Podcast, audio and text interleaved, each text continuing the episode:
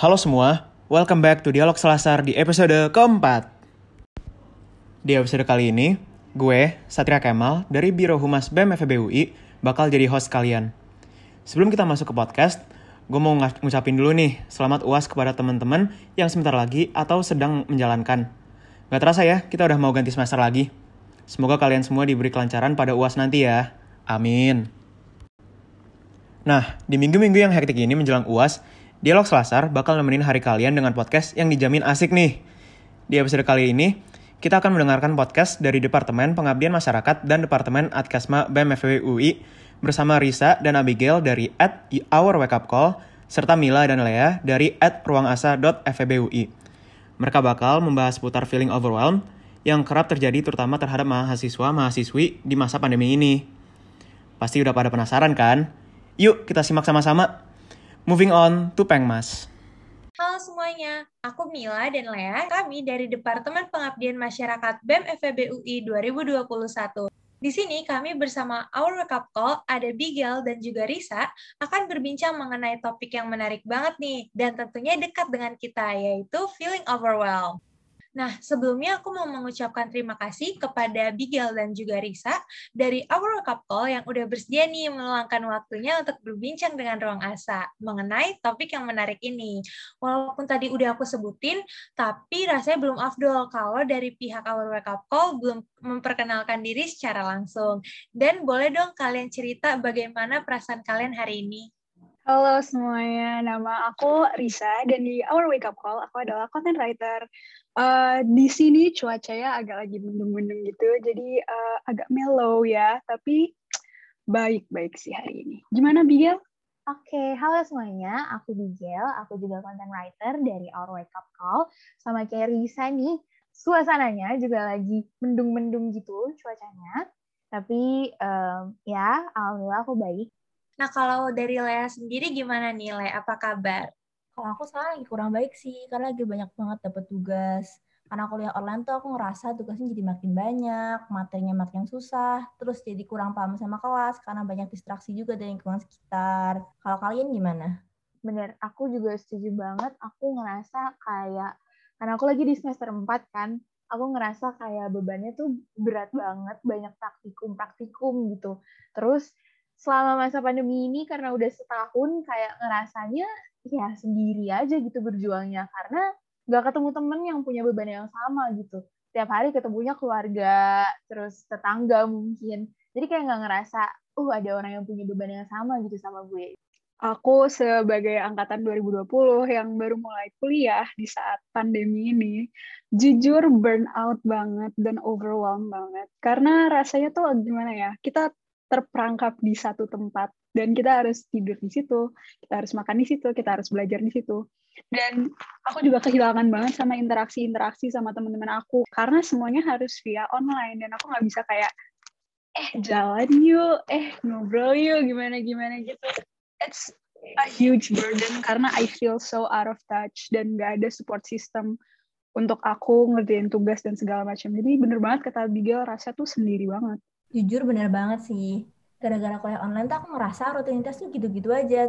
Nah, ketemu teman buat boost energi juga susah karena kita kan harus masih jaga jarak kan. Ya, setuju banget nih gara-gara kayak perasaan overwhelm ini aku malah jadi gak bisa produktif karena ini tuh mengganggu banget sama ritme keseharian aku. Karena terlalu banyak yang harus dikerjakan, aku malah jadi bingung mau ngerjain apa duluan kan. Terus malah itu membuat jadi nggak ada motivasi dan gara-gara gak ada motivasi itu, aku nggak bisa ngerjain apa-apa lagi. Itu cuman lingkaran setan yang muter-muter gitu aja. Aku ngerasa helpless, aku ngerasa worthless karena aku nggak bisa produktif. Ujung-ujungnya jadi deadline, ya kan? Nah ya ya setuju banget karena kalau misalnya kemarin aku di sekolah gitu kan orang aku ngelihat nih teman-teman aku tuh pada lagi ngerjain sesuatu jadi aku terpacu aku termotivasi untuk kayak oh iya aku juga harus to do something gitu Iya benar-benar kata Mila, setuju banget. Dan sering gak sih muncul pemikiran-pemikiran kayak ketika kita ngerjain tugas, pikiran-pikiran kayak, aduh bisa nggak ya ini selesai? Aduh kayaknya banyak banget gitu. Padahal nyatanya tuh kayak cuma satu halaman mungkin tugasnya. Tapi rasanya tuh kayak harus ngerjain berapa bab gitu ketika ngerjainnya tuh sendiri. Karena kita nggak ngeliat orang lain tuh lagi ngapain gitu. Ya nggak sih? Dan itu ngerasa kita kayak, ya santai-santai aja. Dan akhirnya ketika kita ngerjain tugas tuh ngerasanya tuh aduh banyak banget gitu. Ya nggak sih? Bener sih kata orang kalau misalnya kita kayak starting to miss things when they're gone. Karena selama ini I took it for granted lingkungan aku yang sangat-sangat ambis dan pekerja keras hard worker teman-temanku semuanya belajarnya wow banget. Dan saat itu semua hilang aku jadi helpless kayak aduh emang harus beneran ngerjain ini ya? Males banget kadang-kadang itu kita tuh capek karena mikirin mau ngapain. Padahal belum ngapa-ngapain jadi belum ada outputnya tapi udah capek duluan Bener-bener, aku juga setuju sih. Jadinya pikiran kita belum bisa termanage dengan baik gitu. Kita mau ngerjain apa, apa yang jadi prioritas kita juga. Karena kita kan sendiri nih, bener-bener gak ada bantuan dari orang lain. Jadi aku tuh ngerasa banget saat pandemi ini tuh kalau misalnya interaksi sosial tuh sangat-sangat berpengaruh banget dalam hidup aku. Jadinya aku ngerasa kalau misalnya aku sendiri kayak gini, harus ada semuanya tuh kesadaran dari diri aku sendiri untuk melakukan sesuatu yang berguna di dalam hidup aku. Nah, tapi bicara tentang feeling overwhelmed nih, kira-kira kalau dari sudut pandang kalian masing-masing, apa aja sih hal hal-hal yang benar-benar membuat kalian feeling overwhelmed? Sebenarnya kalau bicara soal causes why we feel overwhelmed itu beda-beda gitu nggak sih? Setiap orang mungkin tugas akademik, tugas non-akademik itu tuh bikin aku overwhelmed kayak uh, tugas organisasi, tugas kepanitiaan itu juga bikin aku overwhelmed gitu. Tapi mungkin ada orang-orang yang uh, dia feeling overwhelmed karena memang stres atau mungkin karena ada perubahan-perubahan gitu di hidupnya. Mungkin orang tuanya bercerai bahkan break up itu itu bisa bikin kita ngerasa overwhelmed gitu. Tapi iya setuju sih. Kalau dari aku sendiri aku pribadi aku ngerasa tugas akademik dan tugas non akademik itu bikin aku overwhelmed banget. Kalau dari Lea gimana? Kalau aku tuh biasanya overwhelmed karena aku suka nunda sesuatu. Jadi aku nunda-nunda kerjaan, akhirnya tugasnya tuh numpuk di satu waktu yang sama, akhirnya nggak ada yang selesai. Ujungnya overwhelmed sendiri. Terus aku juga kadang overwhelmed karena ngelakuin rutinitas yang itu-itu aja. Jadi kadang tuh ngerasa bosen dan nggak semangat lagi buat ngerjain hal-hal itu. Terus kadang juga overwhelmed karena ngerasa terpaksa karena ngerjain tugas-tugas itu nggak bener-bener dari hati, nggak bener-bener tertarik, nggak bener-bener niat. Jadi tuh ujung-ujungnya hasilnya tuh nggak memenuhi standar. Bahkan bisa dikatakan tuh di bawah standar Nah iya benar banget sih. Jadi aku ngerasa banget kalau misalnya saat kita feeling overwhelmed itu berdampak buruk bagi diri kita sendiri bahkan juga bisa berdampak buruk bagi orang lain. Kalau misalnya dari aku pribadi ya, kalau misalnya aku lagi feeling overwhelmed itu kan uh, banyak ya tugas-tugas pastinya yang belum aku selesaiin. Dan pas aku udah mau nyelesain salah satunya gitu uh, itu malah jadi nggak maksimal. Misalnya aku lagi fokus nih dalam satu uh, tugas gitu kan. Dan aku ngerasa pengen cepet-cepet aja nih karena masih banyak nih to-do list yang harus aku aku selesaiin dalam hari itu gitu. Dan itu jatuhnya bikin aku stres dan bikin aku kayak ngerasa aduh gimana ya cara nyelesain ini semua gitu dalam satu waktu yang sama. Setuju setuju setuju. Aku juga sama kayak Mila ngerasain dampak dari feeling overwhelmed itu ke diri aku sendiri. Kayak ketika aku ngelakuin ngerjain hal-hal yang biasa aku kerjain kayak rutinitas aku biasanya atau mungkin hal-hal yang kayak hobi gitu yang aku senengin banget ketika aku ngerjainnya gitu aku tuh don't find the joy gitu loh. Kayak nggak ngerasa ada sparknya gitu ketika aku ngelakuin itu. Dan akhirnya ketika aku ngerasa overwhelmed dan maksa aku buat ngelakuin tugas-tugas dan kewajiban yang harus aku lakuin itu antara kerjaannya jadi mepet-mepet deadline atau standar kualitasnya gitu loh. Jadi sangat rata-rata atau bahkan di bawah rata-rata gitu. Jadi berpengaruh gitu sih ke diri aku sendiri. Dan uh, selain ke diri sendiri uh, pengaruhnya tuh aku ngerasanya juga ke hubungan dengan orang-orang gitu di sekitar aku. Kayak karena ngerasa overwhelmed itu aku jadi narik diri nih jadi marah-marah gitu. Dan kadang orang-orang juga nggak tahu gitu kenapa aku marah-marah sama mereka. Tanpa penjelasan apa-apa tiba-tiba aku marah-marah gitu sama mereka. Dan itu sih kayak bikin mungkin hubungan aku kayak meregang gitu sama mereka sama orang-orang yang sebenarnya deket gitu sama aku. Bener banget kata Bigel tuh kayak Mary Kondo bilang it doesn't spark joy anymore. Rasanya tuh pengen dibuang semuanya kan. Uh, tapi iya banget gara-gara out of touchness gara-gara sensitivitas yang meningkat gara-gara sendiri di pandemi ini selama setahun ini bener-bener sendiri jadi lebih sensitif nggak sih apa-apa marah apa-apa ini kayak aduh nggak suka sensi banget sesuatu yang suka malah jadi kayak ya apaan sih nggak ah nggak gitu kan itu tuh Rasanya tuh ada a shift in your personality. Bener banget sih kata Risa, aku ngerasa semenjak pandemi terus kita jadi sering di rumah tuh jadi gampang bad mood, jadi gampang marah. Dan yang lebih kasihan lagi tuh orang yang nggak salah itu kena marah kita juga. Jadi kasihan juga orang yang nggak salah itu. Tapi kalau ngomong-ngomong tentang feeling overwhelmed ya, kalau dari kalian sendiri itu kapan sih pertama kali dengar kata feeling overwhelmed? Aku pribadi pertama kali tahu tentang uh, term feeling overwhelmed dan term burnout itu adalah di komunitas buku yang aku suka baca pas aku SMP. Di situ banyak banget orang-orang yang udah lebih tua dari aku. Pas aku umur 13 tahun, mereka sekitar kayak um, kuliah atau kerja. Dan di saat itu aku dengan my simple mind, otak anak SMP, cuma mikir, apaan sih kayak gituan doang, ribet banget. Kan bisa juga selesai ntar ujung-ujungnya. Tapi pas aku masuk ke SMA, udah nyiapin tuh buat kuliah, ngerjain ujian, tugas, burden dari orang tua lah, nggak mau ngecewain orang tua, nggak mau malu sama temen, nggak mau ngecewain guru-guru, akreditasi sekolah segala macem. Udah kepikiran gila banget gila gila gila. Dunia ini benci sama aku. Bener-bener the world is against me. Me against the world. Itu rasanya kayak mau jatuh ke palung Mariana terdalam di bumi ini gak sih? Kalian juga rasa gitu gak sih kalau overwhelmed banget Benar-benar, aku juga setuju banget. Dan kalau aku pribadi uh, tahu kata-kata feeling overwhelmed tadi pas aku uh, perjuangan masuk ke universitas. Jadi pas aku lagi zaman-zamannya SBMPTN, itu aku baru kenal kata feeling overwhelmed karena itu di situ udah lumayan cukup populer gitu. Karena mungkin pas banget lagi pandemi, terus orang-orang disuruh belajar dengan tekanan mereka dari segala arah. Jadi orang-orang mungkin mulai cari tahu ya psikologisnya ini apa sih namanya gitu loh tentang perasaan perasaan kita. Jadi di situ sih aku baru tahu kalau misalnya selama ini tuh tanpa aku sadarin aku feeling overwhelmed. Dan aku setuju banget kalau kata orang-orang yang misalnya udah kerja atau dia udah kuliah dia tuh selalu bilang kayak ke aku atau ke aku yang eh, lebih kecil yang mungkin masih SMP, SMA, mereka tuh selalu bilang kayak pokoknya gue tuh pengen balik lagi ke SMP atau ke SD, di mana gak punya beban pikiran yang banyak gitu. Setuju, setuju kayak yang tadi Mila juga udah sebutin, aku ngerasa selama masa pandemi ini mungkin karena orang semua orang ngerasa capek gitu kali ya karena pandemi gini. eh, orang-orang tuh banyak bahas soal overwhelm dan banyak banget social media awareness uh, campaign yang bahas-bahas tentang feeling overwhelmed gitu. Tapi ngerasa nggak sih kadang uh, justru yang bikin concern adalah banyak orang yang masih belum tahu kalau dirinya sendiri tuh ngalamin yang namanya overwhelm gitu uh, mereka tuh capek, ngerasa capek, iya mereka ngerasa capek, tapi mereka tetap nge-push diri mereka sendiri buat ngerjain apa yang jadi beban-beban dia gitu. Dan menurut aku itu sih yang harus kita uh, kasih tahu ke orang-orang terdekat kita bahwa oh ini namanya feeling overwhelmed gitu supaya orang-orang tuh bisa sadar gitu gimana sih mereka bisa keluar dari perasaan yang kayak gitu dan bisa balik ke normal state-nya mereka kayak gitu sih kalau menurut aku. Kalau Lea gimana?